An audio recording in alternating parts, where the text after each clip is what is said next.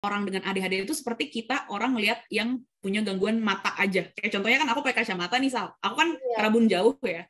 Kalau nggak pakai kacamata, aku nggak bisa ngelihat dong di jauh di jauh sana tuh ada apaan gitu kan. Tapi bukan karena aku nggak mau lihat, tapi karena aku nggak bisa lihat kan karena aku punya gangguan itu. Nah, anak ADHD juga kayak gitu. Saat dia nggak bisa fokus, bukan karena dia nggak mau fokus, tapi dia memang nggak bisa. Dia udah mencoba, tapi nggak bisa nih, diem doang kayak gitu. Jadi kita ngelihatnya gangguan anak dengan gangguan ADHD itu ya kayak orang pakai kacamata aja gitu. Ya butuh kacamata ini nih, butuh lingkungan yang efektif, butuh terapi, butuh pendekatan yang tepat kayak gitu sih Sal.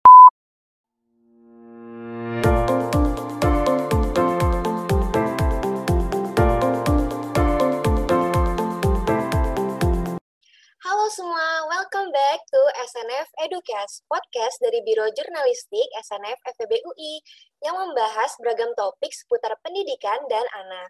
Kenalin, namaku Salsabila dari staf jurnalistik akan memandu podcast kita di hari ini. Episode edukasi kali ini kita akan membahas terkait ADHD alias ADHD, Attention Deficit Hyperactivity Disorder pada anak. Tapi tentu aja aku nggak bakal sendirian, aku akan sama kami ya, seorang kandidat psikologi klinis, content creator, dan mentor kesehatan mental di satu persen Indonesia. Halo Kamia. Halo Salsabila, apa kabar? Baik, kalau kakak gimana kak? Alhamdulillah baik, sama kok. Nah, semoga para pendengar Edukes juga dalam kondisi sedang fit ya, dan dapat menjaga kesehatan di tengah pandemi ini. Oke, sebelumnya aku mau ngucapin terima kasih kepada Kak Mia, karena sudah menyempatkan waktunya untuk menjadi narasumber di podcast kami, tentunya di sela kesibukan kakak ya. Sebelum kita mengupas isu ADHD pada anak, dan kaitannya dengan akademik anak di sekolah, aku mau bertanya dulu sebelumnya, ADHD itu apa, dan apa saja gejala awal serta ciri-cirinya bagi anak pengidap ADHD? Oke. Oke, sebelumnya thank you so much Salsa Bila dan juga pastinya atas undangannya ya untuk hari ini. Aku akan bantu jelasin gitu dan mungkin tadi Salsa Bila juga udah bilang ya. Jadi posisinya di sini sekali lagi aku masih kandidat psikologi ya.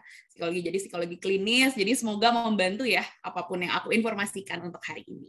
Baik, aku mulai langsung penjelasannya berarti ya Sal ya. Oke, silakan Kak. Oke. Oke, jadi tadi sebenarnya salah bilang udah sempat jelasin ADHD itu apa. Seperti biasa sama kalau misalnya aku pun ngejelasin sebuah gangguan gitu ya, pasti kita coba breakdown dulu nih dari namanya kan ADHD ya. Tadi udah dikasih tahu Salsabila, attention deficit hyperactivity disorder gitu. Jadi sebenarnya dari namanya kita udah bisa mulai ngebaca nih, ini gangguan apa sih? Oh ternyata dari namanya udah ada attention, terus ada hyperactivity. Oh berarti ini gangguan yang berhubungan dengan sulitnya gitu ya fokus fokus atau atensi dan juga perilaku hiperaktif gitu. Dan tadi pertanyaan Salsa bilang langsung berarti kita ke gejala ya salah? Iya gejalanya nih kak. Oke gejalanya. Nah di sini aku agak sedikit panjang nggak apa-apa ya Sal ya untuk penjelasan gejala-gejalanya. Oke, okay, it's okay, Kak. Oke, okay, nah karena dari si ADHD ini, karena tadi udah jelas, uh, si poin utamanya itu adalah gangguan fokus atau atensi sama hyperaktif. Nah, di sini saat kita membahas gejala, aku pasti langsung ke area DSM gitu. Jadi mungkin yang belum tahu nih, semua gangguan mental itu sebenarnya ada panduannya gitu. Nama panduannya adalah DSM atau Diagnostic and Statistical Manual of Mental Disorder. Jadi bisa biasanya seorang psikolog, psikiater, dokter, pasti sebelum kita mendiagnosis gitu ya, mendiagnosis seorang atau sebuah gangguan mental, pasti kita mengacu dulu nih pada si panduan tersebut gitu. Dan di panduan itu sebenarnya tertulisnya si ADHD itu adalah attention deficit slash atau garis miring hyperactivity gitu. Jadi saat seseorang memiliki disebut gitu ya memiliki gangguan ADHD, sebenarnya ada beberapa kemungkinan nih. Apakah dia punya gangguan di masalah attention aja, atau fokus aja, atau dia punya gangguan di hiperaktif aja nih, atau mungkin keduanya gitu. Jadi maka dari itu saat seseorang dikategorikan ADHD ada dua kriteria misal gitu. Nah ini aku jelasin satu-satu ya per kriterianya karena gejalanya ADHD itu ada cukup banyak gitu. Nah pertama aku mulai dari kriteria inattention atau kurang fokus nih. Jadi saat seseorang anak kurang fokus itu sebenarnya ada sembilan gejala mereka bisa didiagnosa gitu ya mengidap ADHD. Nah, sembilan gejalanya itu apa aja? Ini aku akan coba jelasin satu-satu, tapi tenang, aku buat sesimpel mungkin gitu ya.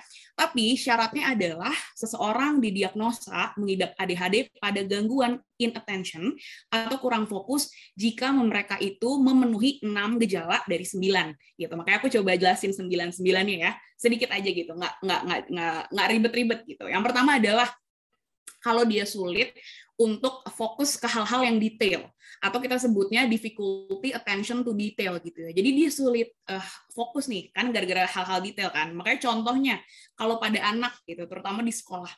Misalnya dia diminta nih sama gurunya dikasih tugas untuk menggambar. Oke, kalau misalnya kita gambar orang nih, kan ada baju gitu ya, terus ada kulit gitu ya. Oke, berarti kalau bagian warna kulit itu kita warnainnya krem misalnya. Kalau baju ya udah kita warnain bebas aja ekspresifnya mau baju warna apa. Terus kalau bola mata ya itu warna hitam ya misalnya mostly orang Indonesia gitu kan bola matanya warna hitam gitu. Nah anak dengan ADHD ini dia punya kesulitan tuh sal gitu dalam hal tersebut dia bisa nggak fokus sama hal-hal detail yang mungkin anak-anak lain tuh bisa gitu. Itu yang pertama gitu. Yang kedua adalah dia punya kesulitan untuk selalu menjaga fokusnya atau untuk nge-sustain attention-nya itu dia sulit banget gitu. Makanya kalau kita perhatiin anak dengan gangguan ADHD itu kalau lagi di kelas nih, gurunya lagi ngajar gitu ya. Anggaplah satu mata pelajaran itu satu jam ya di kelas. Nah si anak ADHD ini nggak bisa dia, cuman fokus satu jam gitu ya ngeliatin gurunya aja.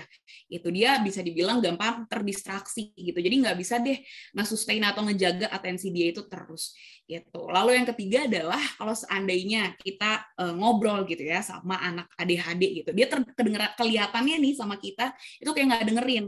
Karena memang anak ADHD itu sulit fokus gitu kan namanya inattention jadi saat orang ngomong bahkan itu face to face nih berdua kayak kita gini misalnya salah ya itu otaknya bisa ke mana-mana gitu. Jadi bisa nggak fokus bisa ke mana-mana bisa mikirin hal yang lain gitu.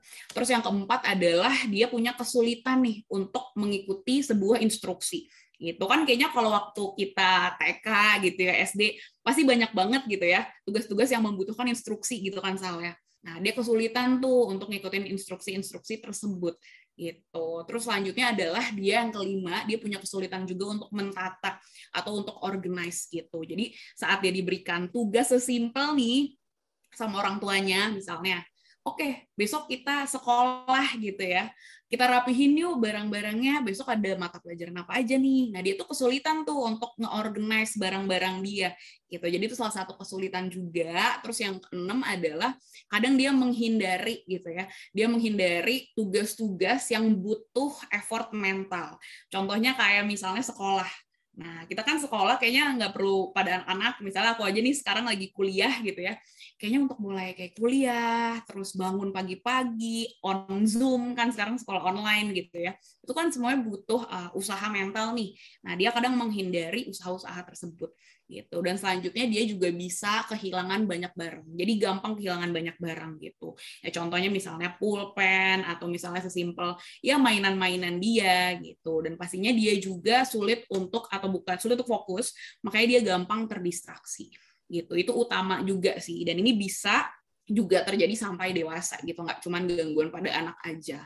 Dan yang terakhir adalah dia pelupa gitu. Jadi bisa nih lupa naruh barangnya di mana udah gampang hilang gitu ya pelupa juga gitu. Cuman dari kesembilan si gejala tadi atau symptoms tadi itu setidaknya pada anak tuh dia harus memenuhi enam gejala dari sembilan gitu. Sementara kalau pada orang dewasa dia setidaknya itu harus memenuhi lima gejala dari sembilan gitu Gitu. Itu untuk baru, baru satu kriteria ya, baru inattention doang. Sebelum aku lanjut ke hiperaktif nih, dari Salsa mau ada omongan dulu nggak? Takutnya aku panjang banget nih ngomongnya. Kriteria atau ciri-cirinya banyak banyak juga ya kak, dan harus memenuhi hmm. semua syarat itu berarti. Kita tuh nggak boleh harus langsung uh, nebak aja, oh kayaknya ADHD nih, karena ciri-cirinya itu juga banyak ya kak. Bener kata Salsa tadi, kita nggak bisa langsung nge-label gitu ya, kalau misalnya itu tuh mereka ADHD, karena memang ada persyaratan tadi ya soalnya gitu. Yeah. Oke. Kalau gitu aku lanjut hyperaktif ya Sal ya? Boleh Kak. Jadi selanjutnya adalah uh, hyperactive nih atau misalnya kita sebutnya juga di DSM di DSM itu hyperactivity dan impulsivity. Nah kalau ini juga sama sembilan sebenarnya ya ada sembilan gejala juga jadi agak banyak Di mana ya tadi kalau anak harus memenuhi enam, kalau orang dewasa harus memenuhi setidaknya itu lima gitu. Nah ini apa aja kalau hyperactivity?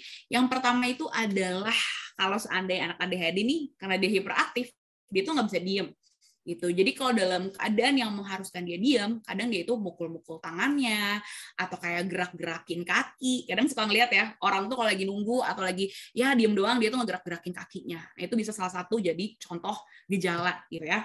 Terus yang kedua, anak ADHD nih kalau di kelas gitu. Misalnya kita udah kelar nih ya belajar di kelas, kan keluar dari kelas ya udah langsung pada bubaran aja atau sedikit ngerapih-rapihin kursinya dulu dibalikin ke tempat semula.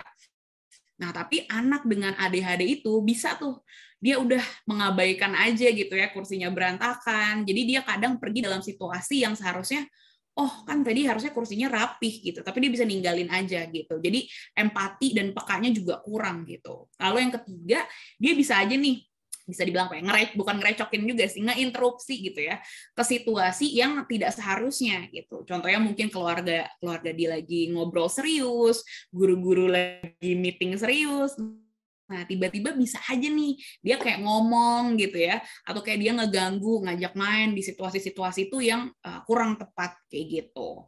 Lalu yang keempat adalah tadi berhubungan juga sama bagian inattention atau kurang fokus gitu. Jadi dia saat main atau saat berada di dalam sebuah aktivitas gitu ya, dia nggak bisa diam gitu. Jadi ya udah dia dia bakal jalan-jalan, kalau di kelas bakal main-main sendiri.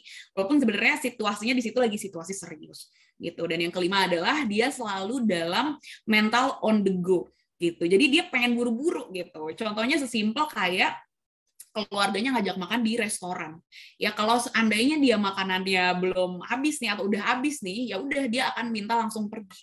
Gitu. Ayo Yuma, aku mau cari mainan misalnya gitu ya. Nah, sesimpel itu karena dia selalu on the go. Ya udah deh pengen cepet-cepet pengen buru-buru gitu. Dan selanjutnya yang keenam adalah dia itu kadang kalau berbicara suka dilebih-lebihkan kayak gitu.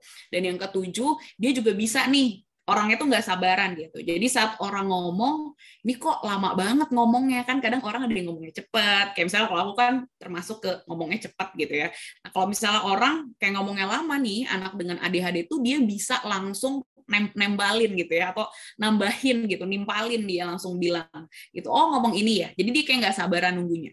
Nah ini berhubungan juga sama gejala selanjutnya nih gitu. Jadi dia nggak sabar untuk menunggu giliran dia.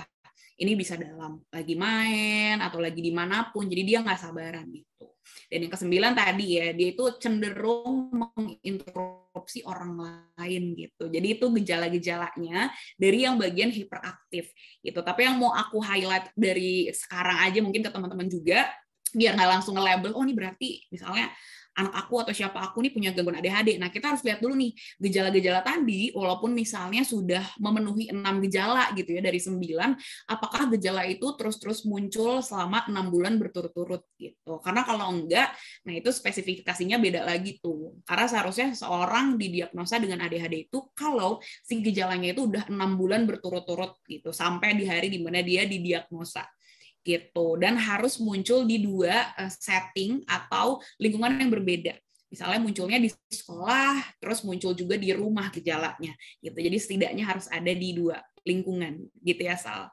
gitu sih untuk secara gejalanya ya jadi panjang banget nih kayak lagi kuliah iya, dua SKS nggak kamu Sal? Gue jelas okay. banget tadi. Oke. Okay soalnya tuh gejalanya itu mm -hmm. hampir mirip seperti perilaku pada anak umumnya ya kak ya jadi benar benar benar ya, jadi butuh pengawasan juga untuk membedakannya selama enam bulan itu nah aku mau tahu juga nih mm -hmm. penyebab awalnya tuh apa sih terus ada faktor-faktornya nggak yang mengakibatkan ADHD baik itu genetik atau pola pengasuhan mungkin Oke, jadi kalau untuk gejalanya, sebenarnya si ADHD itu dia masuk ke gangguan neurodevelopmental atau perkembangan yang berhubungan dengan saraf di otak gitu. Jadi saat ditanya, ADHD itu sebenarnya gara-gara apa sih?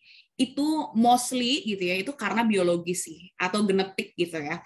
Maka dari itu ADHD itu sangat erat berhubungan dengan masa kehamilan gitu. Banyak yang bilang kan kalau ibu lagi hamil tuh makannya harus dijaga gitu ya.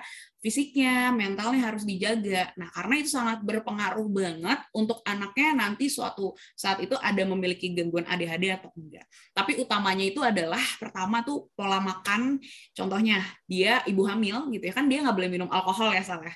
Nggak boleh minum iya. alkohol, nggak boleh ngerokok gitu. Apalagi memakai narkoba gitu. Karena si tiga hal itu tuh menjadi bisa dibilang salah satu pemicu yang paling mungkin gitu ya orang memiliki gangguan-gangguan. Sebenarnya nggak cuma ADHD itu tuh gangguan tuh banyak banget yang bisa mungkin terjadi saat seorang ibu hamil mengkonsumsi tiga hal itu. Cuma itu bisa menjadi aspek gitu ya penyebab kenapa sih orang punya gangguan ADHD gitu. Terus selanjutnya tuh adalah bayi prematur gitu. Jadi kalau seandainya berat badannya itu tidak sesuai ya dengan seharusnya biasanya lebih 1,5 uh, kilogram gitu. Jadi yang rendah gitu ya itu juga bisa mempengaruhi gitu. Tapi nggak selalu ya. Kalau bayi prematur itu nggak selalu. Yang lebih itu yang tadi ya mungkin alkohol, rokok, dan narkoba gitu dan segala macamnya. Sama satu lagi nih, ini yang mungkin takutnya kadang di underestimate ya. Kan banyak yang bilang kalau ya ibu hamil harus jaga fisik, jaga makan gitu ya. Tapi satu lagi kita harus jaga mental dia juga ya Sal gitu. Karena kalau dalam keadaan ibu hamil nih dia punya kejadian kejadian yang traumatik, ngebuat dia stres, nah itu juga bisa berpengaruh. Itu ya, sih, jadi mostly emang biologis atau genetik sih Sal, gitu. Terus um, ketika anak memiliki ADHD pada masa kecil, apakah kondisi ini dapat semakin hmm. parah apabila tidak ditangani? Terus dapatkah kondisi ADHD ini mengganggu masa perkembangan anak, Kak? Oke, jadi kalau ditang nggak ditangani gimana nih gitu ya anak dengan yeah. ADHD? Sebenarnya kalau kalau membahas pertama kita bahas dulu apakah pertanyaan saya yang kedua tadi, apakah ini mempengaruhi perkembangan anak? Pasti pasti bisa banget mempengaruhi per, per, perkembangan anak gitu. Karena kan orang anak dengan ADHD ini saat dia memiliki gangguan nggak fokus, terus dia juga hiperaktif, dan di sini tuh dia udah mengganggu keberfungsian dia gitu ya sebagai manusia pasti itu ngaruh juga ke perkembangan anak. Salah satu contohnya ke perkembangan sosial gitu. Tadi kan aku kasih kasih tahu sedikit gejala ya. Kalau anak ADHD itu misalnya dia nggak bisa nih nungguin, nggak sabaran nungguin giliran dia ya. Kalau lagi main bisa aja diduluin sama dia orangnya nggak ditungguin. Nah itu kan sebenarnya ngeganggu atau itu kayak nggak punya skill sosial yang kan. Nah itu bisa ngeganggu juga perkembangan sosial. Siapa tahu dia jadi kurang punya banyak teman, hal tersebut. Kan akademik gitu, bisa fokus, nilai-nilainya jelek, nggak bisa attention to detail, bisa mempengaruhi atau enggak, bisa banget. Tanda yang tangan gimana? Nah ini yang bisa dibilang ya cukup bahaya tuh karena memang lebih baik pas dengan gangguan ADHD di treatment ya Sal ya. Kasih pendekatan dikasih terapi itu karena ADHD ini juga sangat eratnya dengan gangguan-gangguan psikologi lain gitu. Jadi dia bisa beriringan lah dengan gangguan lain. Salah satu contoh gangguan yang dengan ADHD itu adalah namanya conduct disorder gitu. Ini aku sedikit aja jelasinnya ya gitu. Jadi conduct disorder adalah gangguan di mana anak itu jadi rebel gitu, ya, jadi rebel gitu, mau ngikutin aturan, dia bisa menyakiti binatang dan segala macam gitu. Jadi memang anak dengan gangguan ADHD ini lebih baiknya sejak kecil diberikan treatment atau di terapi kayak gitu sih Sal. Terus seperti kakak bilang sebelumnya anak ADHD itu kurang sabaran. Jadi kan biasanya orang tua kayak, aduh kamu nggak sabaran banget sih nak, atau nggak gurunya, hmm. Kamu nggak bisa diem banget sih. Berarti itu termasuk mirror, mirror persepsi yang timbul ya kak? Iya benar-benar. Itu mispersepsi yang timbul, yang seakan-akan mereka itu nakal gitu. Ya, ya pasti ada kemungkinan membuat mereka jadi berperilaku nakal. Cuman sebenarnya masalahnya itu bukan di perilaku nakalnya, tapi kan dia punya gangguan kurang fokus tadi kan. Iya. Ya, sama hiperaktif gitu, Sal. Nah, dari gangguan kurang fokus itu, pasti anak dengan ADHD cenderung kesulitan hmm. dalam pelajari materi di sekolah ya, Kak. Apalagi materi pelajaran di sekolah kan juga banyak banget tuh ya. Jadi baik lagi, setiap anak mempunyai hak yang sama untuk mendapatkan hmm. pembelajaran dan pendidikan. Oleh karena itu, apakah anak ADHD membutuhkan cara yang berbeda dan spesial untuk belajar dan memahami materi di sekolah? Nah, sebenarnya ini mungkin salah satu ini berhubungan juga kali ya Sal sama mispersepsi Adi gitu ya. Hmm. Sebenarnya anak ADHD itu uh, termasuknya kayak disabilitas yang kita harus di sekolah spesial atau enggak sih? Nah jawabannya adalah sebenarnya enggak juga nggak apa-apa. Bahkan dia lebih oke okay gitu ya kalau misalnya dia bisa di sekolah normal gitu. Karena mungkin nih uh, Salsa nggak nyadar karena aku pun kayak banyak temen aku yang aku nggak tahu oh ternyata dia tuh ADHD tapi kelihatannya tuh kayak ya udah kayak normal aja kayak biasa aja karena sebenarnya ADHD itu lebih gangguannya ke yang tadi kan fokus hiperaktif jadi ke gangguan pembelajaran itu sebenarnya tuh nggak ada hubungannya gitu karena ADHD itu bukan gangguan belajar tapi ADHD itu lebih ke gangguan uh, mental cara dia fokus gitu cara dia hiperaktif sikap dan jadi sebenarnya gambarannya anak ADHD itu kayak gini. Dia mungkin aja tuh pinter gitu ya. Dia mungkin aja tuh pinter, tapi untuk fokus ngeliatin gurunya dia susah gitu. Jadi bisa dibilang nggak selamanya semua anak dengan gangguan ADHD itu punya gangguan belajar gitu. Jadi harusnya dia bisa tuh di sekolah normal. Kecuali kalau dirasa nih di sekolah normalnya tuh kurang ada dukungan, lingkungannya kurang efektif gitu. Karena kan anak ADHD butuh support ya. Itu jadi lebih baik kalaupun mau pilih sekolah normal normal, kalau ini pendapat aku pribadi ya, kalau mau pilih sekolah normal itu pilih yang memang dia menyediakan psikolog misalnya gitu ya. Atau menyediakan ya educator-educator yang paham gitu ya iya, tentang gangguan-gangguan mental kalau dari aku gitu. Karena hmm, bener. Karena takutnya malah jadi nggak efektif gitu kan. Dan kalau nggak efektif ya mau nggak mau mungkin dia bisa special education. Tapi seharusnya di sekolah normal juga bisa sih sal. Gitu Soalnya aku baca-baca sedikit, ternyata banyak anak ADHD yang ternyata mm -hmm. sukses gitu loh kak, baik di akademik maupun di non akademik, tapi mm -hmm. memang butuh cara yang berbeda belajar. Lanjut kak, kalau misalkan orang tua sudah punya prasangka, duh kayaknya anak aku tuh punya gejala okay. seperti ADHD deh. Apa saja kira-kira penanganan yang dapat dilakukan oleh orang tua yang memiliki dugaan bahwa anaknya itu ternyata mengidap ADHD, Kak, dan bagaimana cara dan langkah sebagai orang tua dalam mendidik anaknya yang mengidap ADHD. Oke, jadi langkah-langkah ya, dua. Kayak gini, oh ya ini aku mau sedikit jelasin juga gitu ya, takut uh, akunya lupa juga. Jadi sebenarnya kan banyak yang bilang kalau ADHD itu cuman misalnya di anak doang gitu, orang dewasa itu nggak nggak ada atau nanti berjalannya waktu dewasa gitu. Karena si jawabannya sendiri gitu ya. Anak ADHD kan sebenarnya bisa didiagnosa dari umur 4, 4 sampai 12 nih. Gitu. Dan kan kita udah tahu harus gejala-gejalanya apa gitu. Terus harusnya diterapi dan segala macam. Karena sebenarnya walaupun gejala atau simptoms uh, orang dengan gangguan ADHD itu nggak bisa sepenuhnya hilang, tapi itu bisa diadaptasi gitu. Jadi kalau alasan nih punya kenalan gitu ya, teman atau gangguan ADHD tapi kok dia kelihatannya normal nih gitu. Itu karena dia udah bisa adapternya. Dia nggak gitu nggak sepenuhnya gejalanya tuh hilang gitu. Jadi apa dilakuin orang tua kalau misal dari aku sendiri dari kecil sejak dini harus diberikan terapi atau approach gitu. Karena kan banyak juga tuh terapi-terapi bisa diterapkan ya buat anak dengan gangguan ADHD gitu. Lalu yang kedua adalah orang tua itu harus bisa mengsustain gitu atau menurut lah. Jadi udah psikolog gitu udah ngasih tes. Tapi kan tetap aja pas di rumah dia orang tuanya gitu ya salah ya. Gitu. jadi dari orang tua pun harus bisa nih kayak para psikolog gimana sih caranya ngurusnya. Mungkin kalau dia lagi sulit fokus dibantu untuk planning atau dia kesulitan untuk bersosialisasi diajarin kayak gimana sih cara ngobrol sama teman gimana sih caranya berbagi mainan gitu ya saat lagi main sama teman gitu sih Sal Berarti pendekatannya itu melalui konseling, lalu um, melalui journaling seperti yang disebutkan tadi cukup menarik. Journalingnya itu seperti apa ya, Kak? Oke, jadi sebenarnya lebih ke apa ya? Mungkin kalau itu ya, kalau journaling, mungkin aku sedikit journalingnya tuh lebih dibantu gitu ya, lebih orang tuanya. Tapi mungkin di sini aku jelasin sedikit mengenai terapi-terapi kali ya, Sal ya, Boleh, yang biasanya diterapkan Benar. untuk anak dengan ADHD. Oke, baik-baik. Jadi kalau terapi karena semester sebelumnya pun aku udah belajar juga kan ya terkait terapi yang efektif gitu buat ADHD. Biasanya terapi itu namanya tuh behavioral modification modifikasi perilaku gitu ya. Itu terapinya mostly sih harusnya diberikannya oleh psikolog ya, psikolog klinis anak gitu kan.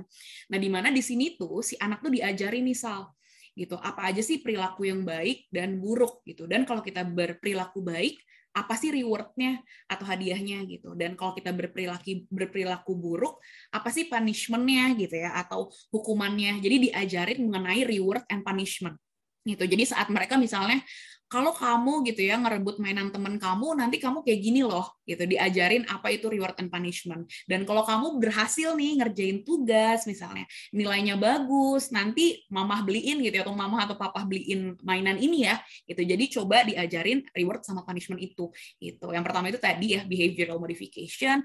Lalu yang kedua dia juga bisa diajarin yang namanya social skills training. Menurut aku tuh ini paling penting gitu. Kenapa? Karena anak dengan gangguan ADHD kan cenderung kurang peka ya Sal ya.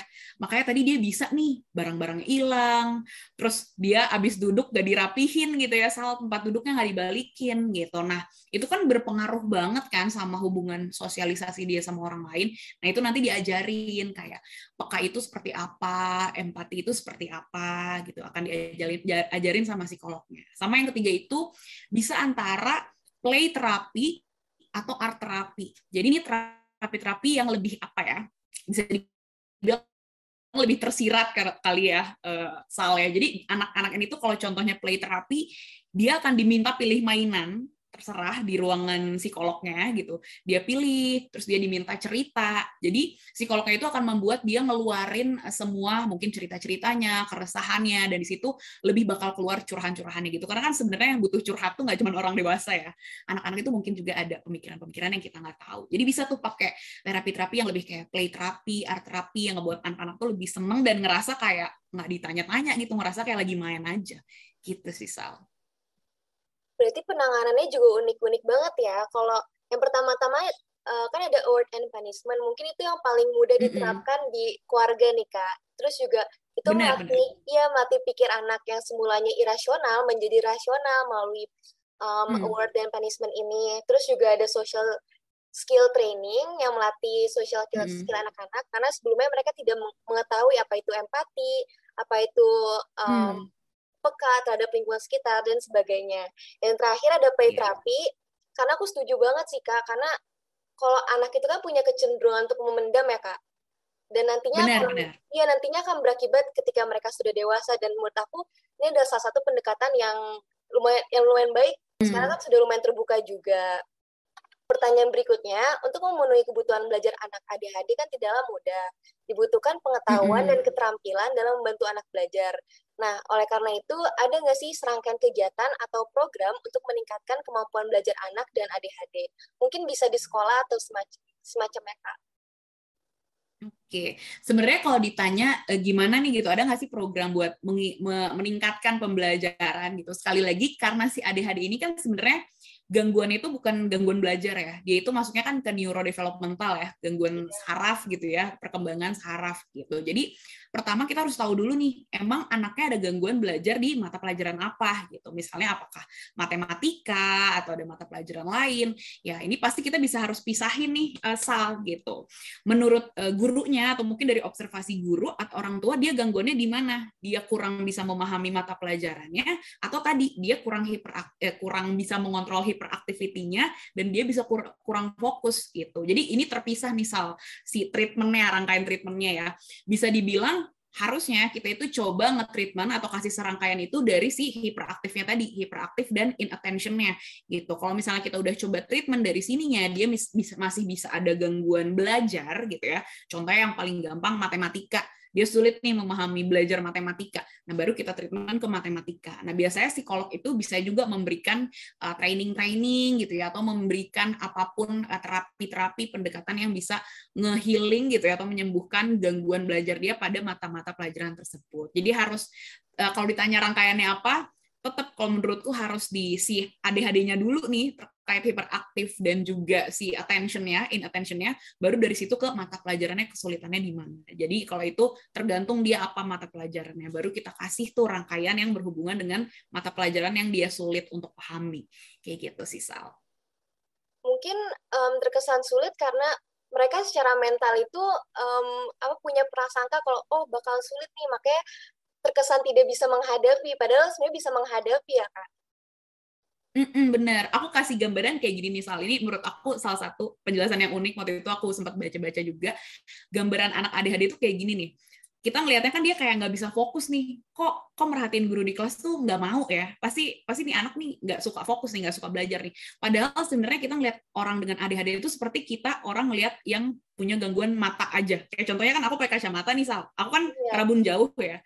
Kalau nggak pakai kacamata aku nggak bisa ngelihat dong di jauh di jauh sana tuh ada apaan gitu kan. Tapi bukan karena aku nggak mau lihat tapi karena aku nggak bisa lihat kan karena aku punya gangguan itu. Nah, anak ADHD juga kayak gitu. Saat dia nggak bisa fokus, bukan karena dia nggak mau fokus, tapi dia memang nggak bisa. Dia udah mencoba, tapi nggak bisa nih, diem doang kayak gitu. Jadi kita ngelihatnya gangguan anak dengan gangguan ADHD itu ya kayak orang pakai kacamata aja gitu. Ya butuh kacamata ini nih, butuh lingkungan yang efektif, butuh terapi, butuh pendekatan yang cepat kayak gitu sih Sal. Berarti um, mungkin kalau untuk ADHD dapat disembuhkan atau tidak, Sepertinya tidak ya kak, tapi bisa um, bisa mulai terapi jadi semakin semakin baik dibandingkan sebelumnya. Mungkin bisa seperti itu ya kak. Mm-mm, bener banget bisa kayak gitu. Jadi memang apa ya kalau ditanya bisa sembuh um, atau enggak itu jawabannya adalah enggak sih. Karena memang dia kan di sarafnya ya uh, selalu yeah. udah udah ada gangguan delay perkembangan tadi gitu. Jadi mau nggak mau ya memang harus selalu diterapi harus ya at least enggaknya walaupun terapinya udah selesai nih misalnya dia di masa kecil terapi sampai gede mungkin udah udah bisa adaptasi tapi tetap harus berada di lingkungan yang efektif. Kayak contohnya ini aku ada contoh kasus aja dia waktu kecilnya ADHD udah bisa adaptasi pas dia udah gede itu dia udah normal tuh. Bisa thriving bisa bagus dalam kerjaannya. Tapi saat dia berada di lingkungan yang toxic work workplace-nya tempat kerjanya toxic itu bisa muncul-muncul lagi tuh gangguan-gangguannya gitu. Iya, jadi tadi lingkungannya harus mendukung gitu sih Sal. Berarti um, untuk anak dan ADHD mereka memiliki kesulitan mm untuk beradaptasi di lingkungan yang baru ya kak? Dibandingkan dengan anak-anak lainnya bisa dibilang sih kayak gitu sih. Karena kan orang yang tadi ya dengan gangguan ADHD itu punya gangguan itu karena dia tadi nggak bisa akademiknya kurang oke okay, sosialnya juga kurang oke. Okay. apalagi ketemu orang baru ya. Mungkin ketemu orang lama aja dia harus adaptasi buat yang tadi menjaga gimana sih nggak harus sabar gitu kan. Kalau sama orang harus tunggu giliran gimana sama orang baru tuh bisa lebih problematik lagi. Karena kan mungkin nggak tahu keadaannya dia ADHD kayak gitu. Benar sih bisa ada kesulitan yang lebih lah dibanding kita. Karena kita aja ketemu orang baru kadang adaptasinya harus kuat kan ya usaha iya, untuk beradaptasi harus kuat gitu kayak gimana dengan uh, anak dengan gangguan ADHD itu pasti lebih ada kesulitan yang beda lah gitu nah seperti yang kakak sebelumnya bilang kalau ternyata anak ADHD itu mm -hmm. um, memiliki kesulitan dalam aspek sosial terus juga Um, mm-hmm. Oleh karena itu, penderita ADHD pastinya berisiko tinggi kan dihadapkan pada stigma dan diskriminasi. Sebagai contoh kayak aduh kok nggak peka banget sih atau enggak kayak tadi aduh kok ceroboh banget kayak gitu. Nah, apa saja sekiranya upaya untuk mematahkan stigma dan diskriminasi bagi anak-anak pengidap ADHD ini, Kak? Oke. Kalau ditanya eh, gimana upaya ya untuk mematahkan stigma sama diskriminasi, sebenarnya di sini kita bisa melihat nggak cuma ADHD gitu ya. Semua gangguan mental kan kayaknya pada saat ini kita masih berusaha ya buat nggak ada stigma itu, untuk nggak didiskriminasi. Tapi pada kenyataannya manusia itu kan memang berbeda-beda gitu. Kadang ada bahkan teman-teman aku nih, mungkin aku memang sekarang belajar psikologi, tapi kan aku punya teman-teman yang bukan anak psikologi juga ya Sal. Bahkan mereka itu juga nggak tahu ADHD itu apaan sih. Gue nggak paham maksud lo ngomong ADHD apaan gitu. Nah, ternyata masih banyak nih emang yang nggak tahu. Jadi mungkin mereka punya stigma ih hiperaktif banget sih anaknya. Atau ih kenapa sih itu anak kayak gitu? Karena sebenarnya memang dia nggak tahu gitu. Jadi salah satu upaya gimana biar kita bisa patahin stigma tersebut adalah kalau menurutku itu dengan mengedukasi gitu. Jadi jangan lelah-lelahnya untuk mengedukasi orang lain sih. Salah satunya kan podcast hari ini ya soalnya ini kan salah satu bentuk um, mengedukasi juga kan dan menurut aku ini harus dilanjutkan edukasi itu. Jadi saat orang mendiskriminasi malahan kita ya jangan marah. Mungkin mereka nggak tahu gitu kalau ADHD itu seperti apa sih keadaannya. Jadi kita bantu jelasin. Atau mungkin ada orang tua nih yang anaknya punya gangguan ADHD misalnya dia malah jadi malu nih. Anak aku ADHD nih aku malu untuk Eh, nge-sharing atau aku malah malu untuk bilang ke guru, ke orang tua bahwa anakku ADHD. Nah, itu malah yang jangan gitu. Malah sebagai orang tua, kalau memang kita punya anak dengan gangguan ADHD, ya malah kita harus mengedukasi. Sekarang kan udah banyak juga ya ilmu parenting gitu ya, Sal ya, di internet, orang-orang nge-share gangguan-gangguan gangguan mental yang dialami anaknya. Jadi menurut aku memang harus diedukasi itu harus dikencengin banget sih. Karena omongan diskriminasi, stigma itu akan selalu ada gitu. Jadi sekarang tinggal kitanya aja mencoba mengedukasi mereka lebih jauh lagi sih Sal. Bener banget Kak, apalagi kan sekarang sosial media tuh gampang ya Kak, terus juga banyak webinar-webinar yang menyelenggarakan tentang kesehatan Bener. mental ini. Aku juga kan mm -hmm. sedikit baca-baca sebelumnya, um, ADHD itu apabila dapat diarahkan, dia manfaatkan, itu bisa mm -hmm. menjadi superpower bagi anak. Banyak orang-orang sukses yang ternyata mengidap ADHD seperti Michael Phelps yang merupakan salah satu atlet hmm. tersukses dalam sejarah Olimpiade. Terus juga ada Bill Gates yang ternyata juga ADHD. Nah, edukasi hmm. ini memang seru banget. Terima kasih Kak, karena kita sudah membahas ADHD dan kaitannya terhadap akademik anak. Terima kasih atas kehadirannya Kak. Sama-sama Salsa. Semoga membantu ya teman-teman. Semangat terus kita mengedukasi orang-orang terkait kesehatan mental ya. Iya. Aku Salsa sebagai moderator podcast kali ini pamit turun diri. Sampai jumpa di episode berikutnya.